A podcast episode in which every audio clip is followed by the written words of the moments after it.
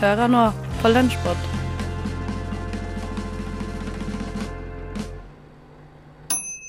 God formiddag. Velkommen til en ny episode av Radio Nova sin Lunsjpod. Hvor Theis Magelsen, som er mitt navn, skal guide deg gjennom noen av høydepunktene fra den forrige uka her på kanalen. Og for mange så er lunsjtid synonymt med kaffetid. Så da tenker jeg at vi kan starte med nettopp dette sorte gullet som mange er så avhengig av. Så vi blir med Simen Folkestad og Sorgenfri sin jakt på perfeksjon. Jeg drømmer om å lage en perfekt kopp med kaffe. Helt siden jeg var liten gutt og fikk smake litt av koppene til de voksne når vi var på kaffe hos mormor og morfar, har jeg likt kaffe. Jeg kan kanskje ikke sies å ha vært særlig kresen, men med årene har jeg blitt mer bevisst på at det er en forskjell, og at kaffe kan være kunst. Visste du forresten at mens det er rundt 300 ulike aromaer i vin, finnes det over 800 forskjellige i kaffe? Nylig arvet jeg en mokkakanne, og fordi det ikke fulgte med noen instruksjoner og jeg endte opp med å lage kruttsterk, bitter og nesten udrikkelig kaffe, ble jeg besatt av å få det til. Selv om det på sikt innebærer å skaffe seg et annet apparat. I dag starter jeg derimot feilsøkingen. Den klassiske varianten går ut på å ha kaldt vann og høy temperatur på kokeplata, men det kan medføre at kaffen blir overekstrahert og bitter, og kaffepulveret kan bli brent. Nøyaktig mengde kaffe? Mokkakanne, Bialetti-kanne, Cafetiera, Machinetta, eller noe feilaktig kalt espressokanne, da du faktisk må ha et trykk på hele ni bar for å lage ekte espresso. Denne lille kanna er en kaffeperkolator som settes rett på kokeplata. Nå står det litt forskjellig rundt omkring på nettet, men det anbefales å ha lokket på kanna åpen, så du ser når eh, kaffen begynner å eh, piple ut. Og da anbefales det å ta den av plata når den er sånn ca. en tredjedel ferdig. Så jeg tenkte jeg skulle prøve å gjøre det begge gangene. Hører at det begynner å nærme seg. Det ser kjempegodt ut, da. Da står det også at man kan røre i toppen før man heller i glasset for å blande de forskjellige delene. Jeg tenker jeg kan jo like gjerne gjøre det når jeg først er i gang. Det ser kanskje noe grumsete ut, men øh, jeg syns jo det ser veldig godt ut. Ja, den var, den var jo den var ganske sterk fortsatt. Det er jo meninga. Men øh, kanskje noe bitter, ja. Etter å ha lest forskjellige kaffeforum på nett, har jeg fått tips om å varme opp vannet i kolba på forhånd, for så å bruke en lav temperatur på kokeplata. Det skal medføre en mindre bitter smak på kaffen og gi et generelt bedre resultat. Fylle friskt kaldt vann først. Mens vi venter på at vannet skal koke opp, så kverner vi bønnene.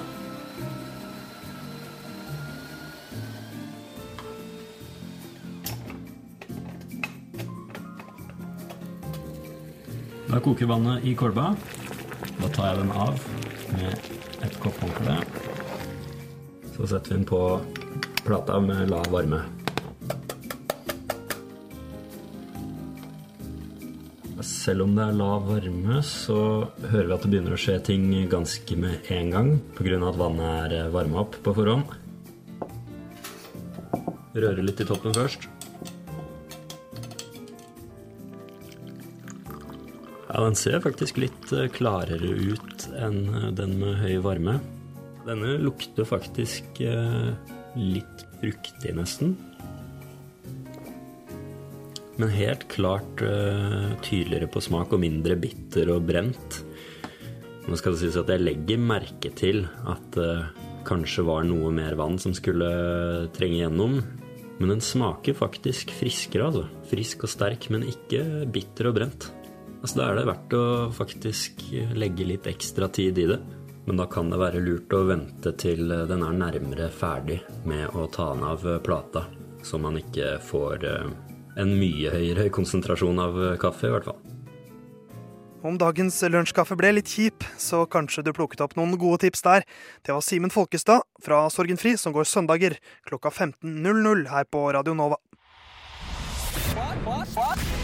Radio Nova er. Alle andre er tapere. Radio Nova. Et klassisk grep i dokumentarer det er en såkalt talking face, der en person forteller om en opplevelse ganske rett til kamera. Og Klaus fra Frokost han drømmer om å få en slik type dokumentar om seg selv. Og han utfordret sine venner i Frokost til å skape dokumentarer om seg selv. Så du skal få høre forsøkene til nettopp Klaus og Hedda her. Mitt eh, aller største ønske her i livet er å bli så kjent at eh, det blir lagd eh, dokumentarfilm om meg når jeg dør. Eh, Ja. Det er det eneste målet jeg har. Det spiller ingen rolle hvor, hvordan jeg blir kjent, eh, men så kjent skal jeg bli. Eh, og det er litt av konseptet til den leken, eller den Utfordringen, ja. Utfordringen, ja. som vi skal ha nå. Ja. Vi har alle fått i oppgave å være en annen enn oss selv. Ja. Eh, og vi skal da bli intervjua. Eh, som om det skulle vært en, som det skulle vært en, altså en liten snutt i en dokumentarfilm. Eh, om, om hvorfor Hvorfor har vi Hvorfor har det blitt lagd dokumentarfilm om oss, og hva har vi gjort for å fortjene dette? Mm. Og, og ja, litt Ja, det, det er vel egentlig det. Ja. Eh, Så det er en veldig klassisk Jeg ser for meg sånn stereotypisk dokumentarfilm hvor det er sånn De veldig sånn mye fjes, fjestung dokumentar. ja, ja. Hvor folk forteller sine historier om oss. Veldig sånn Mm. grå, grå bakgrunn. Og, ja. Så det er sånn in, in liksom memory liksom- of dokumentar. Da. Ja. Så Hedda, jeg har forstått det sånn at du, du har en, en liten dokumentar. Jeg har en liten dokumentar. Eh, jeg kommer til å snakke som menneske som mest sannsynlig kommer til å savne meg mest når jeg går bort. Ja. Og det er hun som jobber i eh, kantina på skolen min. Ja. Eh, jeg vet ikke helt hva hun heter, men eh, jeg tror nok hun har blitt det viktigste mennesket i mitt liv. Nei, Hedda, hun var Hun var helt spesiell. Man, man knytter seg jo litt til folk når man ser de hver eneste dag. Jeg kan ennå huske det hvor hun kom alltid inn. Stabbende sin! fem over åtte. Og det var alltid den samme bestillinga. En Red Bull, en kaffe og en sjokolademuffins. Og vi pleide å le og tulle. «Å, 'Skal du ha Red Bullen igjen?' Og hun sa litt skamfullt, men også litt hun, hun tok det til seg. Ja, hun sa ja! Hun skulle ha den Red Bullen. Hun lot ikke andre bestemme at hun ikke kunne ha Red Bull hver dag, og det var, det var inspirerende. Så meg som ansatt i SIO setter jo veldig pris på det da hun holdt hele studentorganisasjonen i Oslo i live med, med sin eh, ofring, da. Vi tenkte av og til hvordan er hun rik? Vi lurte veldig på, som vi snakka innad med eh, de andre ansatte, tror du hun kommer fra penger? Har hun en rik familie? Men nå som hun er død, da, så skjønner vi at det, det har hun jo ikke. Hun bare valgte å bruke alle midlene sine, alle sine hardt opptjente penger, på Red Bull, kaffe og sjokolademuffins hos oss på SIO. Og for det, for det så takker vi jo. Og vi kommer til å savne henne. F. R. O. K. O. S. T. Frokost. Jeg har jo da ikke basert det her på eh, noe som helst av min livshistorie. Det her er helt fiksjon, men eh, OK. Vi prøver. Mitt navn er eh, Martin. Jeg var eh, nær venn Jeg var, nær venn av, Klaus. Klaus var en av de En av de sl- sl- sleipeste jeg kjente. Han, han var så sleip hele tiden. Og før han ble borte, så hadde han nettopp uh, han, han hadde investert masse penger i Airbus. Jeg skjønte aldri Jeg skjønte aldri helt hvorfor, hvorfor det. Så, så kom det fram da litt senere Nå. han uh, hadde drevet med sånn, eh, sab sabota sabotasje av noe Moeng 747 maks 8-fly. Ja, ma- masse mennesker som bare ble borte av han. Og han tenkte han kunne bare tjene masse penger på det her. Jeg skjønner ikke. Og så er det så tragisk død. Og Bjørn Kjos som tok Bare gikk til han og sa at 'nå skal du dø'. Og drepte han. Bjørn Kjos drepte Klaus. Min beste venn. Unnskyld. Det er altså først en dokumentar om den dedikerte kantinegjesten Hedda Ovidia Stølen, og så en litt eh, dramatisk, kanskje kontrafaktisk, dokumentar om Klaus Holm Fjellros. Og hvil i fred, Klaus, vi vil savne deg. Og Theis, som er meg, det var også med i studio. Frokost der, altså, fra syv til ni mandag til fredag. Radio Nova. På, DAB og nettradio. på radionova.no. Nei, ikke sagt det, men jeg kan si det en gang Radio Nova. Tor Mikkel Wara. Det er litt av en kar.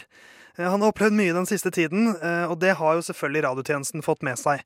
Så da gir jeg ordet til Radio Nova sitt satiriske alibi. Denne uken har saken om Tor Mikkel Waras påtente bil vært i eh, fyr og flamme. Eh, natt til søndag ble nemlig statsrådens bil påtent, samtidig som huset hans ble tagget med ordet 'rasist', stavet feil.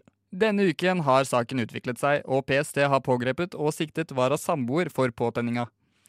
Men hvilke konsekvenser vil dette ha for den økte polariseringen i landet? Det kan vel ikke komme Frp til gode at den blir angrepet for sine egne meninger? Tjenestemann Kilde har dykket dypere i saken og mener han sjøl har kommet fram til sannheten. Over til deg, tjenestemann Kilde. Det var en helt vanlig søndag i Nydalen. Hjemme hos justis- og innvandringsminister Tor Mikkel Wara. Radiotjenesten har mottatt informasjon om at siste episode av Heimebane akkurat var ferdig da Tor Mikkel skulle på toalettet. Dette skulle derimot ikke bli et helt vanlig dobesøk for statsråden, for ut av vinduet la han merke til at hans splitter nye leasingbil sto i fyr og flamme. Hendelsen er trolig kulminasjonen av en rekke trusler rettet mot Wara. Truslene startet kort tid etter at Varas samboer anmeldte teaterstykket Ways of Seeing for å ha vist bilder og video av statsrådens bolig. Spørsmålet på alles lepper er jo selvfølgelig var det menneskene bak teaterstykket som iscenesatte det hele? Altså, Teaterfolk er jo generelt sett veldig handlekraftige mennesker. Det er lang tradisjon i teatermiljøet for voldelig demonstrasjon, det er alle klar over. Reidun Spøk er førsteamanuensis i teatervitenskap ved Universitetet i Oslo. Hennes tale er klar. Kun noen som driver med teater, kan stå bak bilbrannen. Jeg har sjøl vært i teatermiljøet lenge, og mer hardbarka, voldelige, handlekraftige mennesker, det skal du lete lenge etter. Jeg kjenner ikke en eneste regissør som jeg mener ikke kan være gjerningsmann i denne saka. Teaterfolket matcher med andre ord profilen perfekt. Men hva mener da Frp om at det er Varas samboer som er pågrepet i saken? Vi har fått til et intervju med PR-rådgiver i Frp, Gisse Melke. Hva mener statsråden eh, om at hans egen samboer er eh, siktet for eh, brannstiftelsen? Statsråden har ikke kommentert saken, men den som har kommet med en men den som har kommet med en uttalelse, det er tidligere Frp-topp Carl I. Hagen. Han eh, håper på det sterkeste at PST tar feil, da, og at eh, det er de homofile på teatret som har gjort det her. Ja, Er det et direkte sitat eh, fra Hagen? Nei, Hagen har selvfølgelig sagt det her mye verre enn det jeg gjør nå. Ja. Men hva med hendelsen under valgkampen i 1987, der Hagen leste opp et forfalsket brev fra den fiktive Mustafa, som mente islam kom til å ta over Norge? Var det også teaterfolkene? Eh, sånn som Frp har vi klare bevis på det faktum at begge disse hendelsene er iscenesatt, og teatret er der man iscenesetter. Ergo er begge disse sakene både i 1987 og i dag knyttet til Black Box Theater, Pia Maria Roll og forestillingen Ways of Seeing. Dersom Varas samboer er involvert, er hun i så fall en muldvarp planta der av Moxnes-venstre, og kun ønsker å sette sugerør langt nedi lomma på vanlige folk sånn som du og jeg. Hun er tross alt kvinne, og det, og det var Eva som tok den første bit av syndens frukt, som vi da også representerer i vår logo. Ja, Apropos, hva med dette Apple-søksmålet? Og Vi mistenker at de er involvert i brannen også, men vi har ikke funnet ut hvordan ennå. Global oppvarming kan være en grunn. At det ikke finnes, altså. Frp har klart å motbevise enhver anklage vi kaster deres vei. Dette må bare bety at de er uskyldige. For hvordan vil det at venstresiden utøver voldshandlinger mot Frp-statsråder, kunne tjene Fremskrittspartiet? Det henger ikke på greip. Det er kanskje på tide å rette lupen mot tidligere saker også. var det venstresidens skyld at Per Sandberg ble nødt til å skalle ned en asylsøker i 1997. Eller kanskje det var Moxnes i kvinneklær som lot seg voldta på fest i 2001 av Terje Søviknes. Hvilke andre saker har venstresiden kommet unna med, kun for å stille Frp i et dårlig lys? Vi har dykket ned i en sak som i utgangspunktet er ukomplisert. Et teaterstykke inspirerer til trusler mot en statsråd. Men ved å grave dypere har vi også avdekket sakens virkelige tyngde og funnet en mulig konspirasjon fra den ekstreme venstresiden.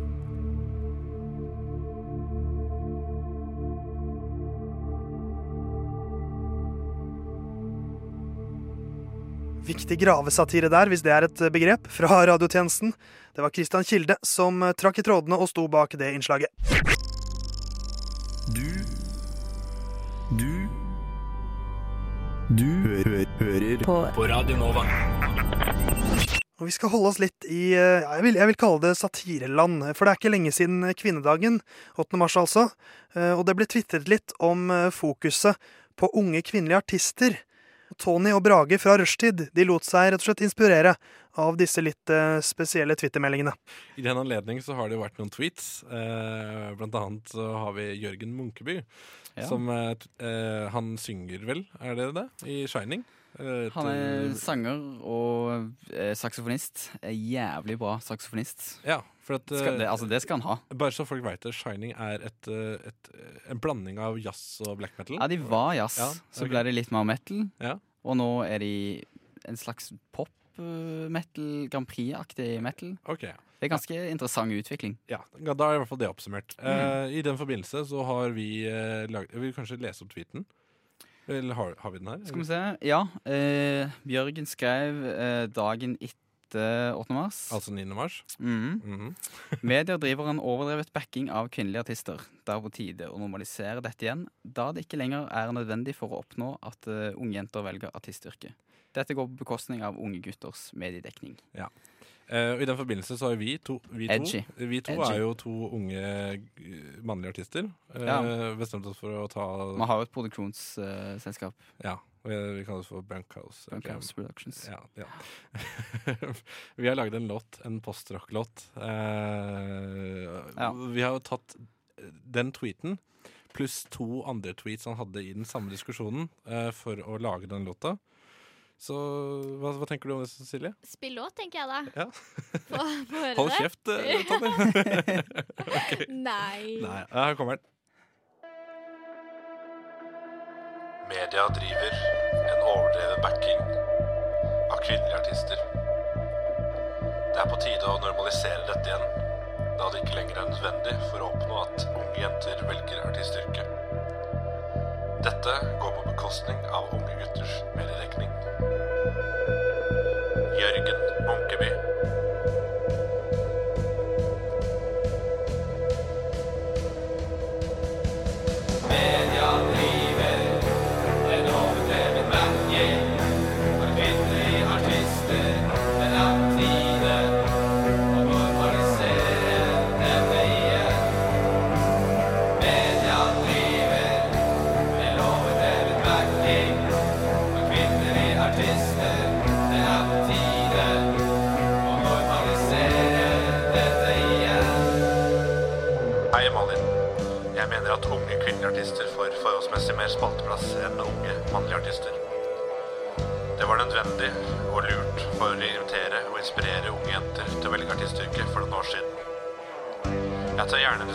Deg om dette, men jeg er usikker på hva du mener med at dette var en buldrekukkete ting å si. Kan du hjelpe meg til å forstå hva du mener? Jørgen Munkeby.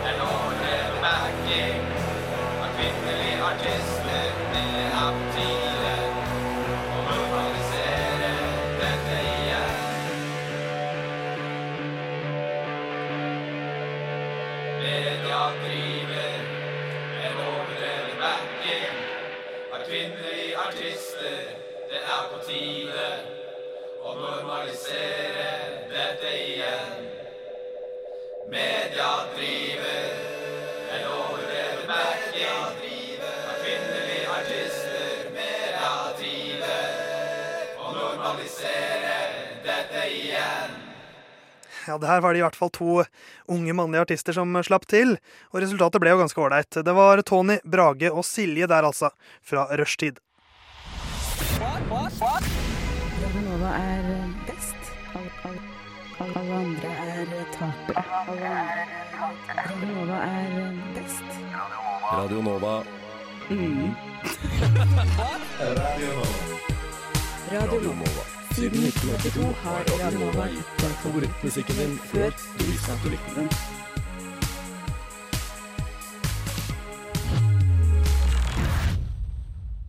Lunsjpod-toget det tøffer videre til filmens verden og Nova Noir. For forrige uke så hadde Radio Nova sitt filmprogram en Javier Bardem spesial. Og Hedvig, Ludvig og Elise de fokuserte på den litt ukjente filmen Jamon Jamon, som betyr skinke, skinke. Og vi starter med en liten smakebit fra selve filmen. Llega una película acreedora de 11 nominaciones y ganadora de 6 premios, incluido el León de Plata del Festival de Venecia. Presentamos Jamón Jamón, con las estelares actuaciones de Javier Bardem, Penélope Cruz y Jordi Moya. Jamón Jamón, solo por Lindo Movies, el mejor canal de cine en español. Jeg kan ikke unnlate å le av det der, fordi det er, det er litt av en reise, den filmen. Uh, I etterkant har jeg da funnet ut at eh, regissøren Bigas Luna da egentlig spiller på sånne spanske stereotyper da, som jeg finner i sånn telenovelas, hvor det er mye fokus på sex, mat og liksom passion som bare det. Og det er jo det. Altså, skinke, skinke, det er jo akkurat det den eh, handler om. uh, og så syns jeg er veldig morsomt disse karakterene. da. Silvia, uh, spilt av uh, Javier sin eh, real life eh, kone Penelope Cruz. Hun, eh, hun eh, Jobben hennes er at hun lager potetomeletter. Og eh, deltids jobber på eh, en undertøysfabrikk hvor hun syr. Eh, og connection her er at hun da mm, kjenner eh, sin forlovede José via at han er, mm, har en slags eh, sjefsrolle i dette firmaet sammen med moren. Og så er det slik at Raoul er da en aspirerende tyrefekter og en deltids undertøysmodell. Så der møtes de da altså, ja. Det er, det er han. Og så Ja, eh, det skjer da i den spanske ørkenen, og eh, det- blir forførelse, forførelse og Nei, Ja, guri malla. Det det er litt av en sånn perle. Det er Um, litt av en eh, perle. Det er sånn man, Jeg anbefaler folk å gå og se den bare sånn for the laughs. Men det, det er litt vanskelig den delen, faktisk. Eh, Jeg lette internettet inn og ut bare for å finne den, og jeg fant den til slutt på en russisk eh, sketsjy side, hvor jeg måtte se den på spansk. Så jeg satt med sånn handlingsplott fra Wikipedia ved siden av meg og så den og prøvde å forstå, og så plutselig har ei sex med den andres foreldre og vice What? versa, og så, så, tenker jeg sånn Hæ? Det her handler ikke noe med historien egentlig. Det skal sies at denne filmen, som vi også, for de som kan spansk, hørte i eh, traileren, så ble, fikk den eh, elleve nominasjoner på Venice Film Festival, og den vant noe som heter Silver Lion. Det er eh, an på andreplass, på en måte. Ah, okay. I den, tror jeg. Er ja, den store. det gir mening. Så den har faktisk Silver ikke vunnet. Venice. Men den fikk elleve nominasjoner, og det er sånn Da er det et eller annet jeg ikke har uh, sett der. Og da, da begynte jeg å tenke Da, da jeg fikk vite det, så da tenker jeg at det er en kulturell barriere i sånn filmteknisk òg. For da tenker jeg kanskje, kanskje i 1992 så ga dette helt mening for Den ble jo en hit i spanjoler. Spania. Og som Elise dro fram, er at, uh, at det er visst en veldig ironisk type, han regissøren. Og at hele greia er at det skal være tull. Men kanskje det, det forsvinner litt i den språkbarrieren. Fordi da jeg så den Da jeg fikk vite det, så klarte jeg å ikke bare like den ironisk. Eller da klarte jeg å like den litt iron le med den, og ikke bare av den. Jeg Men jeg ler fortsatt mye av den. Altså, det er mye rare grep som har skjedd, og det er mye inkonsekventheter.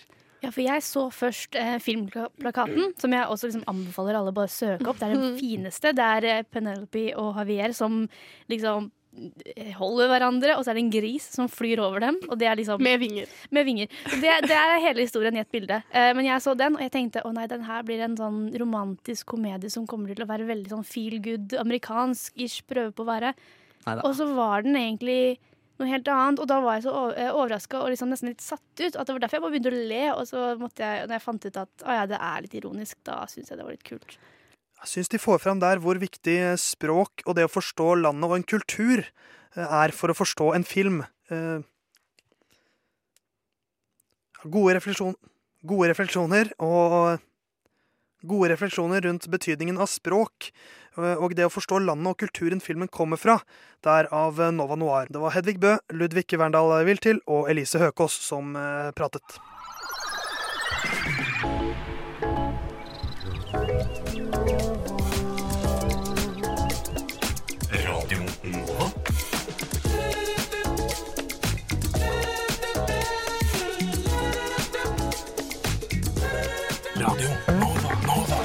24 timer i døgnet, syv dager i uka. DAB, nettspiller og mobil. Ukens lunsjpod drar seg dessverre mot eh, slutten. Jeg håper du har spist eh, matpakke og drukket kaffe, og alt som hører til, og kanskje funnet noen programmer her eh, på Radio Nova som du ble litt ekstra nysgjerrig på. Gå inn på radionova.no, så finner du alt du trenger å vite der. Men vi har en liten, ganske spesiell godbit til slutt. Vi avslutter med Skallebank, og de finner på mye rart som et litt alternativt humorprogram her på Radio Nova. Og forrige uke så lanserte de altså sin egen russelåt for 2019. Eh, til tross for at de er langt forbi russealder. Eh, men den russelåta heter da enkelt og greit Skallebank 2019. Da gjenstår det bare for meg, Theis Magelsen her, å si takk for følget. Så håper jeg vi høres igjen neste onsdag. Og eh, gjør deg klar til en lynkjapp eh, russeværing nå. Skallebank 2019. Russetida er i full gang. Med gode venner skal det bli et stort pang. Spise pizza og danse som aldri før. Du spør oss hva som skjer, vi svarer kjør. Vi ruller hele dagen. På bakken og på lufta. Vi drikker og vi fester. Til alle plager har fordufta.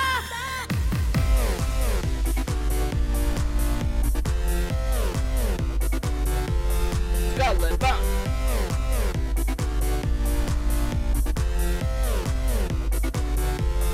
Skallebank.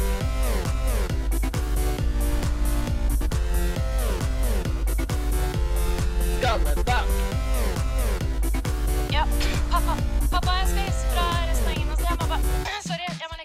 Lager radio som ingen andre. Vi har det hyggelig i studio med hverandre. Vi elsker å rulle med venner og med øl, men vi respekterer alle, ikke noe krøll. Vi ruller hele dagen. På bakken og på lufta. Vi drikker og vi fester.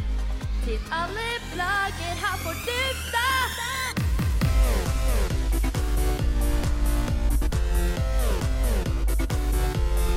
Skallebank.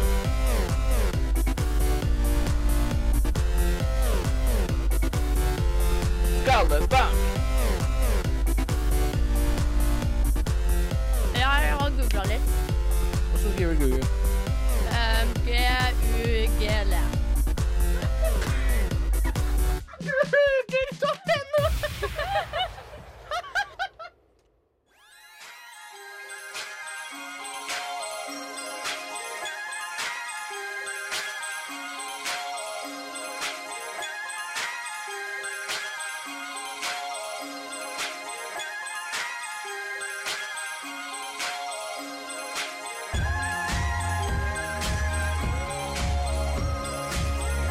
Siden 1982 har Radio Nova gitt deg favorittmusikken din. Før du visste at du likte den.